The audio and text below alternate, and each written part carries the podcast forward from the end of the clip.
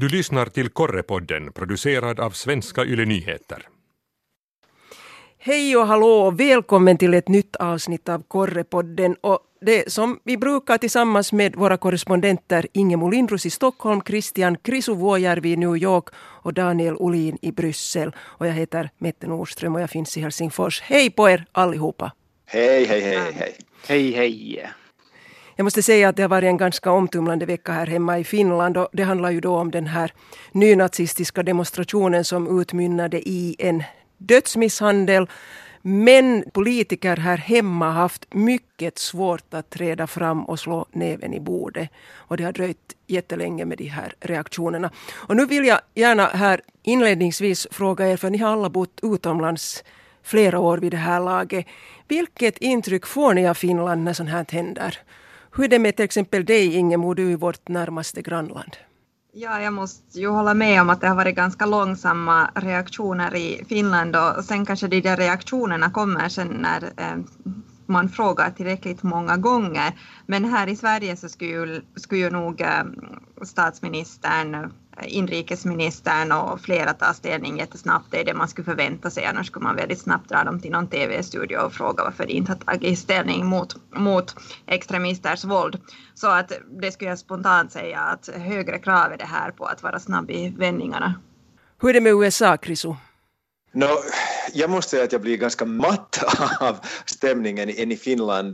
Det känns på något sätt som att det är Finland som jag vill att Finland ska vara där, vi tar hand om varandra och respekterar varandra, så, så håller på något sätt att försvinna och det ersätts av något hårt och stundvis väldigt motbjudande. Och det kan förstås hända att den här känslan har förstärkts lite väl mycket då man nu följer med händelserna från distans. Och det är ju ofta så att det negativa är det som får mest uppmärksamhet i, i media, men, men alltid då och då så tänker jag att skulle nu inte alla finländare på något sätt vara tvungna, eller jag får chansen väl själva att, att leva sig ett halvt år här i, i, New York och visst den här stan har sina problem men jag vågar påstå att New York är ändå trots allt, trots sina brister en av de bästa smältdeglarna i världen. Här om någonstans är alla mer eller mindre invandrare och man behöver inte känna sig som en utböling fast man talar engelska med till exempel finlandssvensk brytning och för, för de flesta talar engelska här med brytning och, och det har varit jätteskönt och, och att vara också i en, en, en stad och ett samhälle där alla kan ändå komma överens, vilken, vilken jag tycker att Finland nu kanske är på väg åt ett helt annat håll.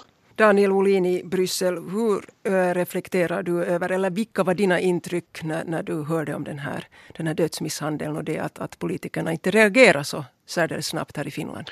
No, det som, som slog mig var Uh, och som du var inne på, att det är ju väldigt illavarslande att det tog så här lång tid för regeringspartiernas partiledare att reagera. Själv träffade jag personligen statsminister Juha Sipilä i fredags i Bratislava. Då kände vi inte nu till den här nyheten, men att då var åtminstone beskedet att han skulle flyga hem till Finland på lördag förmiddag. Uh, sen tog det ju faktiskt uh, ända till måndagen innan Sipilä reagerade och skrev ett blogginlägg så, så, och då vet vi att under veckoslutet så blev den här nyheten bara större och större och, och toppa sändningarna. Så då tog det väldigt länge för, för Sipilä att eh, eh komma ut och berätta vad han tycker om det här. Så tog det ju nu några dagar tills han, han gick in i en tv-studio och eh, talade om den här om det här problemet och om den här tragiska händelsen. Men jag vill haka på det som Krisu sa om, om den här smältdegeln och att om, om New York är liksom USAs smältdegel så kan man ju säga att Bryssel är något av Europas. Här bor ju väldigt mycket människor från, från olika länder och har finns många kulturer. Och jag måste säga att, att Bryssel har också väldigt mycket problem. Det är ingen perfekt stad att bo i. Men det är nog en väldigt tolerant stad och det märkte jag här senaste häromdagen när jag var ute och, och på kvällen och gick med mina barn och det kom en äldre dam emot och och börjar prata och fråga vart vi är på väg och, och barnen svarar på, på sin ändå på sin franska som inte är nära på perfekt att de är på väg till butiken och så vidare. Och hon berömde hela familjen att oj vilken bra franska ni talar, oj vad ni kämpar och oj vad ni försöker lära er franska. Och det här känns liksom väldigt, väldigt fräscht, men då vet vi att, att språket i Bryssel är franska, men ändå på något kommer de lokala invånarna i Bryssel och säger att oj, att det var trevligt att du ens försöker tala franska och, och berömma. Och det känns liksom jag vet inte om, om det sker så mycket i Finland det här men att det här känns så väldigt välkomnande på något sätt. Men tycker ni då att ni bor i kulturer där det är mera diskussion, där man kräver mer av ett politiskt ansvar när det gäller just eh, att man tar ställning till och eh, för och emot och att det finns en, en, en livligare samhällsdebatt i, i, i de länder som ni befinner er i. Hur är det med dig Daniel?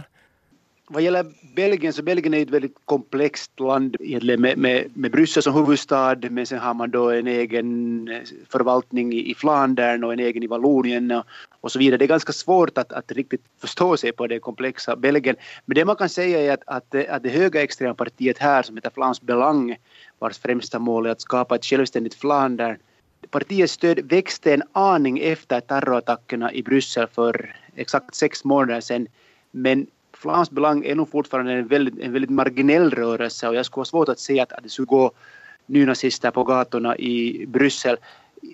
Det finns såklart, det finns eh, nog eh, rasismen också i Belgien men att inte kanske, inte kanske på samma sätt som vi ser det i, i, i Finland den senaste veckan. När man, kommer, när det, man tänker på Belgien men också kanske Belgiens grannland Tyskland så där har man en väldigt strikt linje. Där vill man nog förbjuda all högerextrema organisationer. Där slår man ner dem väldigt hårt och det har ju att göra med tyskarnas historia. Samma gäller också Frankrike. Där har man skärpt lagstiftningen för man, även om man märkte att det kanske inte har hjälpt så mycket så vill man ändå gå hårt ut mot de här högerextrema. Och lite samma mentalitet finns det här i Belgien. Och, och, nu verkar det ta väldigt lång tid i Finland innan, innan regeringen reagerar på det här och, och, eh, och det känns lite konstigt. Krisu, i New York, eh, amerikanerna är ju väldigt debattglada kan man säga. Men, men mm. hur upplever du det här med att, att uh, ta politiskt ansvar och att, att uh, ledarskapet också tar ett ansvar för samhällsdebatten? Jag tycker Barack Obama har varit väldigt bra på det men, men det stora problemet som jag ser det är den här otroligt stora polariseringen som, som finns i USA. Det finns en diskussion och det finns en, man är debattglad och så vidare men man talar jätteofta förbi varandra och över partigränserna så blir det mest pajkastning och, och det här gäller framför framförallt ju högre upp man kommer på den politiska skalan. Kongressen står ju mer eller mindre handlingsförlamad på grund av, no, man kan väl kalla det den avgrundsdjupa svackan mellan Demokraterna och Republikanerna. Och, uh, bara som ett exempel så här alldeles nyligen så kunde man inte komma överens om att ge tilläggsfinansiering för bekämpning av Zika-viruset. Alla var överens om att det här måste skötas. Men Republikanerna buntar ihop den finansieringen med en nedskärning av resurserna för Planned Parenthood som är en nationell kvinnoklinik och, och det här gick inte Demokraterna med på. Och det här är bara ett typexempel på, på hur det fungerar i Washington. Och det är ett typexempel på varför amerikanerna hatar politiken i Washington och en stor orsak till att Donald Trump är så populär som han är. Många amerikaner vill nu ha en utomstående herre på täppan som ruskar om det hela. Folk är trötta på att, att uh, ingen egentligen vågar ta ansvar och framförallt kompromissa i, i kongressen och i Washington. Så alltså i USA, i Sverige så är ju eller för oss så är ju den svenska samhällsdebatten ganska, ganska bekant. Ingemo, är det någonting som du vill tillägga? Är det någonting som du också har reflekterat när det gäller just den här samhällsdebatten? Vi har tidigare också berört det här. Jag tänker att det är en äh, ganska märklig paradox egentligen att å ena sidan så kräver man att politiker kommer snabbt att ta ställning och, och det är mycket diskussion och, och, man ska snabbt ta avstånd ifall någon har uttryckt någonting som kan uppfattas på fel sätt och, och det är på något vis väldigt professionaliserat på, på alla sätt och, och, och man ska vara på det sättet korrekt i sina uttalanden och, och där är det höga krav. Men sen å andra sidan om man tänker på det som pågår i Sverige just nu, vi har haft um, några veckor av bilbränder ute i, i många utsatta områden som det heter, många, många förorter och dessutom har eh, det varit mycket uppe en jättestor problematik med, med gängkrig i Göteborgstrakten. Eh, och eh, jag har inte sett en enda regeringsrepresentant eh, på plats i, i något av de här områdena på flera veckor. Utan där finns det en, en märklig flathet. Jag tror att man, man helt enkelt inte vet vad och hur man ska göra och tydligen har tröskeln också blivit ganska stor att besöka de här områdena och tala med människor där. Så att eh, här, här i huvudstaden så, så kommer man väldigt snabbt till TV-studion men ute i landet så lyser nog många politiker med sin frånvaro. Och det här ämnet tangerar ju också det som egentligen pågår i Göteborg, det vill säga Bokmässan i Göteborg. Och där har man yttrandefrihet ett, som tema i år. Men det har, om jag har förstått det rätt så har det väckt ganska mycket uppståndelse. Ingemo, varför har det blivit debatt, varför har det blivit rubriker kring det här temat yttrandefrihet? Det som är en jätteknepig situation som har uppstått där är frågan om en högerextrem tidskrift som heter Nya Tider eh, som har ett, ett program på Bokmässan där man bland annat har bjudit in talare som hör till, till de här förintelseförnekarna. Det här är alltså en väldigt tydlig eh, högerextrem och, och rasistisk eh, organisation eh, som står bakom den här tidningen och eh, det har då varit en lång debatt om huruvida de ska få finnas där och ställa ut eller inte. Och först fick de ett ja och då blev det en uh, stor proteststorm och andra författare avbokade och det fick stor uppmärksamhet. Och efter det så fick de ett nej och hotade då att uh, stämma bokmässan. Och, och, då fick bokmässans arrangörer eh, leta i, i lagtexter om de har någon belägg då för att förbjuda dem på bokmässan och det hade de inte så de var tvungna att tillåta eh, den här tidningen att ställa ut då i varje fall. Och de här arrangörerna har ju varit i en jätteknepig situation för de har fått eh, en massa hatmejl från olika håll och, och många författare protesterar och så här. Och det intressanta är då att tema för bokmässan i år är yttrandefriheten. Och här ställs ju den här frågan verkligen då på sin spets. Att ska vem som helst få ställa ut och eh, ska man få yttra sig om vad som helst trots att man då har yttrandefrihet? Och det här är ju en eh, intressant diskussion eftersom eh, främlingsfientliga rörelser ofta utnyttjar den här möjligheten till yttrandefrihet och försöker äh, hålla det som, som den faran högt men sen samtidigt kanske eventuellt utnyttja det på fel sätt. Ja, ska man få yttra sig hur som helst? Mina tankar söker sig till, till USA. För när man till exempel lyssnar på presidentkandidaterna och deras anhängare så, så tycks de ju kalla varandra nästan vad som helst. Äh, är det här, Krisu, yttrandefrihet enligt amerikansk modell? No, så är det väl. Donald Trump han har ju redan smeknamn och de är ju ganska snälla för, för hans rivaler, Crooked Hillary, Lying Ted, Little Marco och så vidare. De är mer så här hånfulla men ändå kanske lite glimten i ögat. Men, men eh, det känns som att, att ingen längre nästan reagerar här på eller, eller det blir en liksom viss mättnad på att reagera på, på de kontroversiella uttalanden som framförallt Donald Trump gör. Men jag skulle vilja föra den här diskussionen om yttrandefrihet lite till ett annat plan och, och faktiskt den amerikanska fotbollsplanen. Den överlägset mest intressanta diskussionen om yttrandefrihet här i USA har kretsat kring Colin Kaepernick. Han är quarterback för San Francisco 49ers i NFL, proffsligan i amerikansk fotboll och, och det är den överlägset mest populära idrotten i USA. Kaepernick har de senaste veckorna vägrat att stå då den amerikanska nationalhymnen spelas, och, vilket den ju då gör inför varje match. Och den här Kaepernick eh, han vägrar att stå som en protest mot hur de svarta blir förtryckta och utsatta för polisvåld. Nå, reaktionerna det har ju varit explosiva. Många har anklagat honom för att vanhända allt från nationen till veteraner och han har blivit mordhotad. Sen har andra jämfört honom med en ny Muhammad Ali. Ali vägrar ju på, på 70-talet tjänstgöra i armén som protest mot kriget i Vietnam och mycket annat och blev en slags profil inom, inom liksom, äh, mänskliga rättigheter och så vidare. Det som jag tycker är bra i sammanhanget är att Kaepernick själv stått för de mest genomtänkta inläggen i debatten. Han har metodiskt, välformulerat förklarat sig själv. Varför gör han som han gör? Och, och numera är det åtminstone tio andra spelare som, som ställer sig på knä då nationalhymnen spelas. Uh, jag skulle kunna tala väldigt länge om det här men jag avslutar med att säga att yttrandefriheten, jo den är helig i USA men det finns saker som åtminstone en del amerikaner får att gå i taket och att hedra uh, och att inte hedra den amerikanska flaggan och nationalsången är ett exempel på vad många amerikaner inte kan acceptera. Om vi återgår till det som du Daniel talade om här tidigare, det vill säga franska språket i, i Bryssel, mångspråkiga Belgien.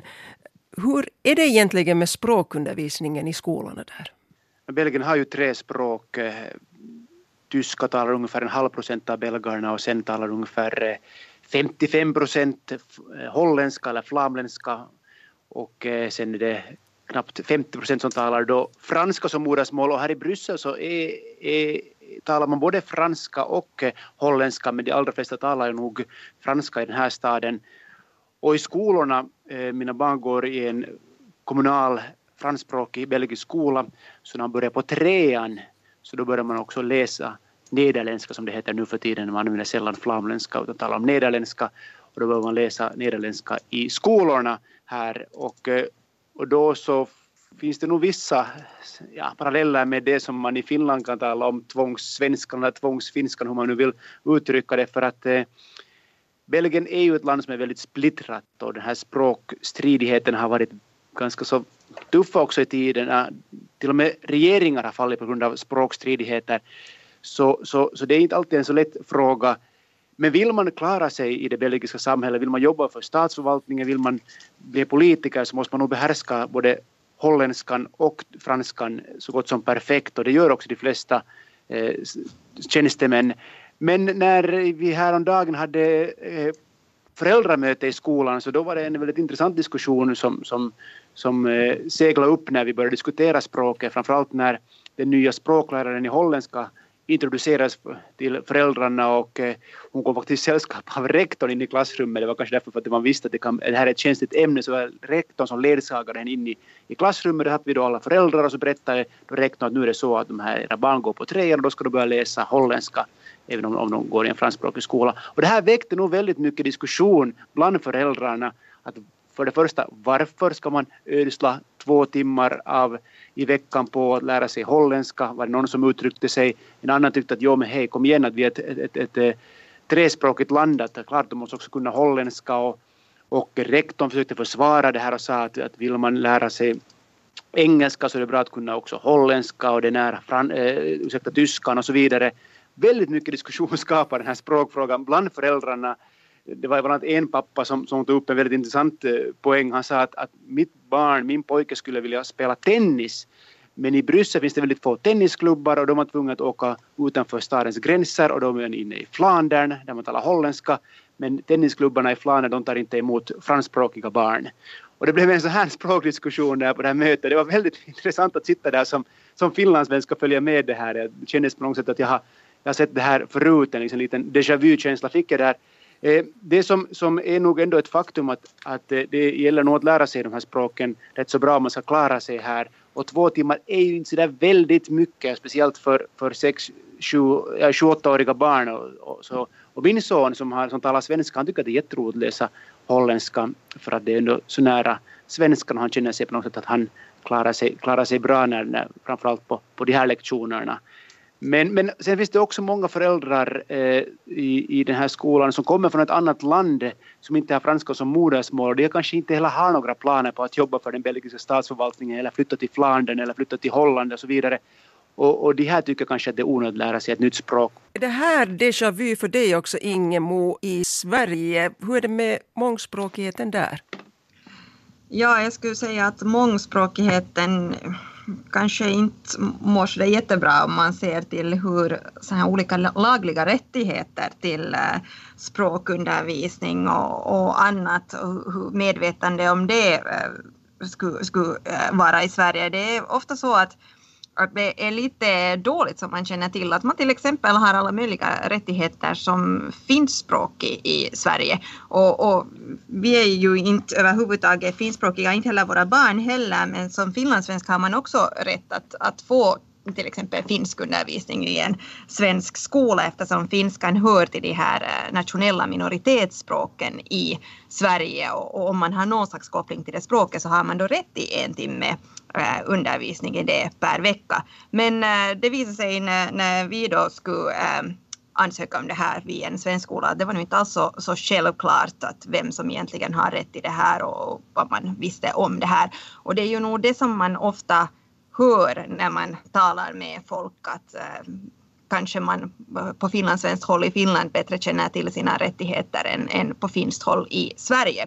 Och det här är ju också rättigheter som har kommit till an efter så småningom och, och därför så är det alla möjliga kommunpolitiker ute i landet som kanske inte alls tycker att det är så självklart att man sen plötsligt ska erbjuda åldringsvård på finska till exempel, som då flera kommuner ska erbjuda idag om det är tillräckligt många finskspråkiga i den kommunen. Så jag skulle nog säga att Sverige, ja, här finns en hel del språk, men det är liksom en ganska homogen språkpolitik ändå. Det, det ingår liksom inte att man ska klara sig på något annat språk i det här landet. Eh, den allmänna uppfattningen är ju nog att alla ska kunna svenska. Jag har en intressant uh, randanmärkning kring skolor.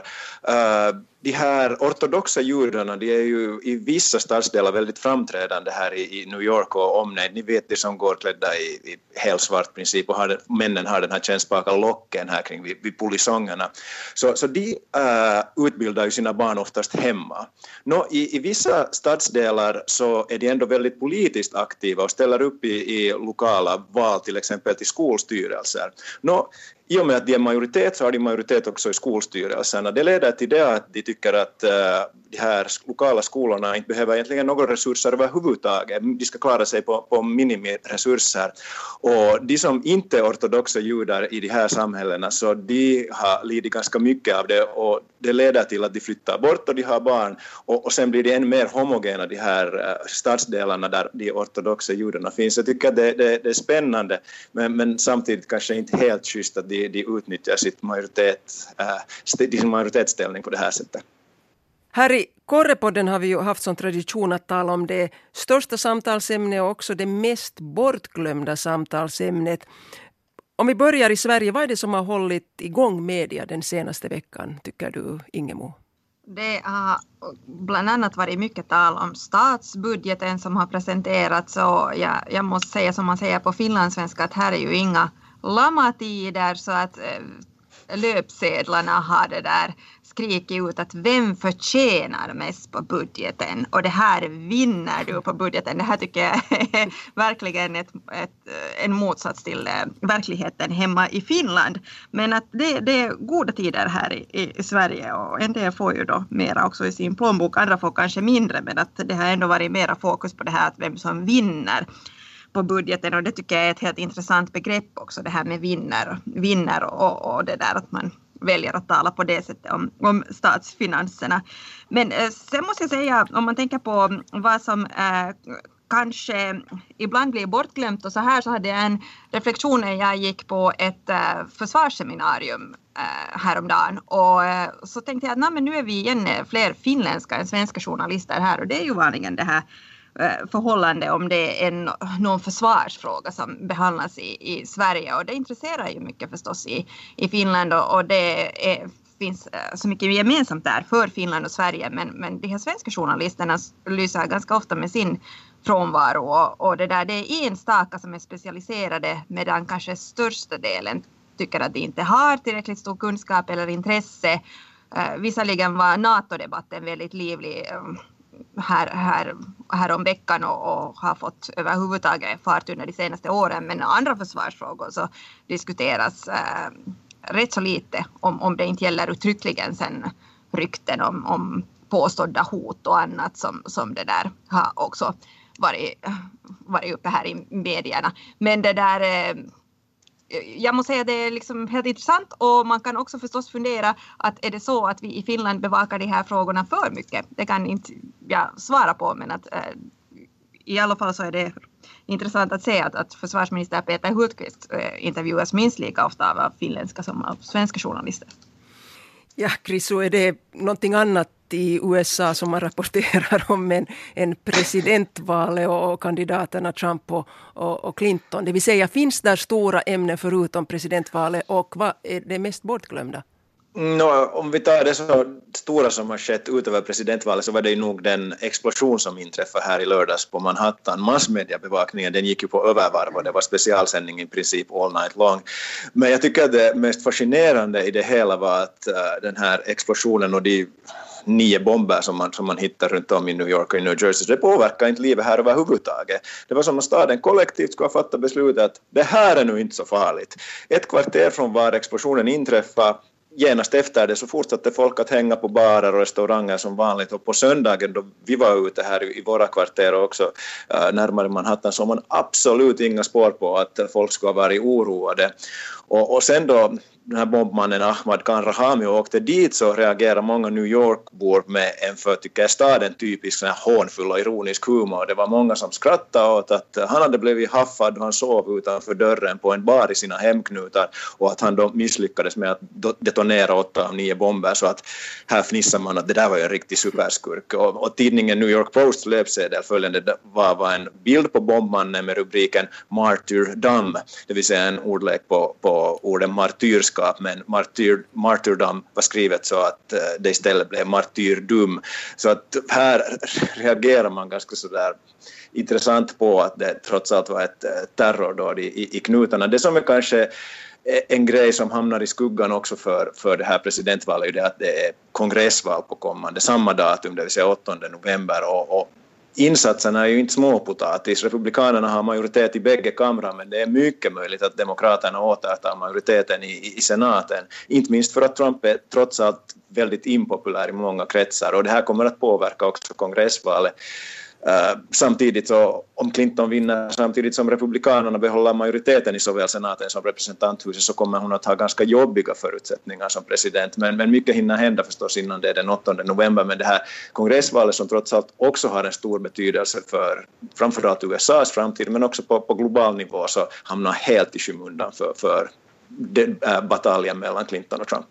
Men vi hoppas ju att vi ska kunna återkomma till det när det, när det närmar sig valdagen. Daniel i Bryssel, vad är det som man talar om och vad är det som man inte talar om där? Äh, den här veckan har handlat ganska mycket om efterdyningarna till det toppmöte som hölls i Bratislava i förra veckan när, när man höll ett första toppmöte utan Storbritannien. Det var EU27 som diskuterade EUs framtid och, och det här mötet tog ju slut då på fredag kväll och och då försökte de, åtminstone de flesta EU-ledarna säga att det, var, eh, det här mötet hade varit en framgång och att eh, det här är en ny start. Men att sedan eh, efteråt under veckoslutet och framförallt i början av veckan så, så kanske det visar sig att det, det bubblar ännu mer under ytan än vad som kom fram då på fredag kväll och att det kanske inte alls var så att de var så överens som de ville åtminstone visa utåt till pressen då. Och är det någonting som inte har dominerat, det vill säga så någonting som finns där men som inte har rapporterats så hemskt mycket? Det är en fråga som var intressant här i Bryssel om man nu inte ser på EU-politiken utan helt på, på Belgien och, och Bryssel är att Bryssel är ju en stad, eller framförallt Belgien är ett land där, där man gillar mycket gillar seriefigurer och serieteckningar och också i Bryssel kan man se det. I centrum av Bryssel ser man många olika väggmålningar, muraler där det finns allt från Tintin till andra seriefigurer och det ser ganska fint ut när man går i centrala Bryssel och ser de här fina väggmålningarna på olika gamla, gamla hus och, eh, och, och det skapar en så här mysig känsla när det finns mycket, mycket färg på väggarna. Men nu har det lite av en, av en, en, en intressant händelse här den senaste veckan faktiskt så har, har en konstnär, som vi en anonym konstnär, eh, på natten målat eh, väldigt intressanta bilder, bland annat en jättepenis på en stor vägg här i, i, i Bryssel. Och den här penisen har väckt en hel del diskussion i, framförallt i, i, i den stora belgiska tidningen Le Soir men också, också på rundradiobolagets eh, nätsida vem det är som har målat det här manliga könsorganet eh, och vissa talar om att det nu är Bryssels senaste turistattraktion och det finns de som talar om att, att det här borde nu EU verkligen använda i sin marknadsföring att, eh, för att eh, sex säljer och så vidare. Och det är en väldigt stor målning, alltså det är frågan om en målning som är 4-5 meter hög och, och väldigt fint målat. Ingen vet vem som står bakom den här målningen. Men alltså, den har alltså då målats under en natt och, den här målaren måste ju då haft eh, stege och, och någon sorts assistent med och, och så vidare. Det som är ännu gör det här väldigt intressant är det att två dagar senare så kom det en ny målning eh, alldeles i kvarteret bredvid och då var det igen förmodligen samma målare som stod bakom det här och då kunde invånarna i det här kvarteret beskåda en, en sexuell penetration i storformat och, och det här har väckt väldigt mycket. Ska nu verkligen Brysselborna vakna på morgonen och se de här bilderna?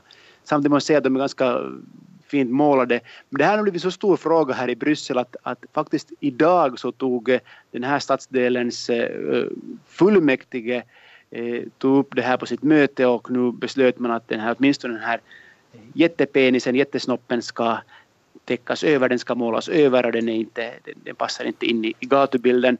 Nå, den här andra bilden så det återstår nu att se vad som händer med den men att det här har varit en fråga som, som har varit åtminstone mycket diskussion i lokaltidningen här och, och eh, säkert om man som turist kommer till Bryssel och, och går i de i centrala delarna av Bryssel så kommer man nog att reagera när man ser de här enorma målningarna på, på väggarna.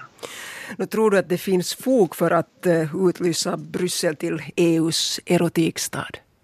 Tja, jag vet inte om jag, om jag är rätt, rätt person att svara, svara på det, men åtminstone så har det blivit lite av ett, ett skämt. Och det är ganska roligt på något sätt också när, när, när EU-korrespondenter som skriver tunga texter plötsligt börjar skriva om sådana såna, såna frågor. Och det, det, blir ju, det tar ju sen, sen fart framförallt i, på sociala medier och så vidare att, att, att när till exempel en Eh, Liberation som är en vänstertidning i Frankrike skriver om, om det här fenomenet, om de här målningarna, känns det lite lite roligt att det finns, finns annat också i världen än, än, än EU-politik. Eh, och, eh, men att det, det, är faktiskt, den här frågan kan jag nu säga, den delar invånarna i de här kvarteren. Jag såg just igår på, på de lokala nyheterna och där var någon som tyckte att det var fantastisk målning, att det här är ju jättebra, men andra tyckte att oj nej, det här vill vi inte se när vi, när vi för våra barn till skolan på morgonen. Så, så, så det har blivit en överraskande stor uh, grej här i Bryssel. Kritso, i USA finns det mycket väggmålningar men ingen kan väl mäta sig med det här? Nej, absolut inte. Det var nog en, en eh, på tal om då könsorgan så det kom plötsligt upp en sån här pop-up staty på, på Donald Trump i Central Park eh, och Donald Trump naken då, men den ansåg väl eh, Parks and Recreation, det vill säga parkämbetet här i New York, att den kan vi nu ändå inte ha framme. Så att eh, det låter väldigt underhållande det vad de håller på med där i Bryssel. Det svänger alltså i Bryssel, det svänger säkert också i New York och i Stockholm. Med de orden avslutar vi Korrepodden för den här gången. Ljudtekniker är Risto Salonpää och vi säger Hej då. Hej då.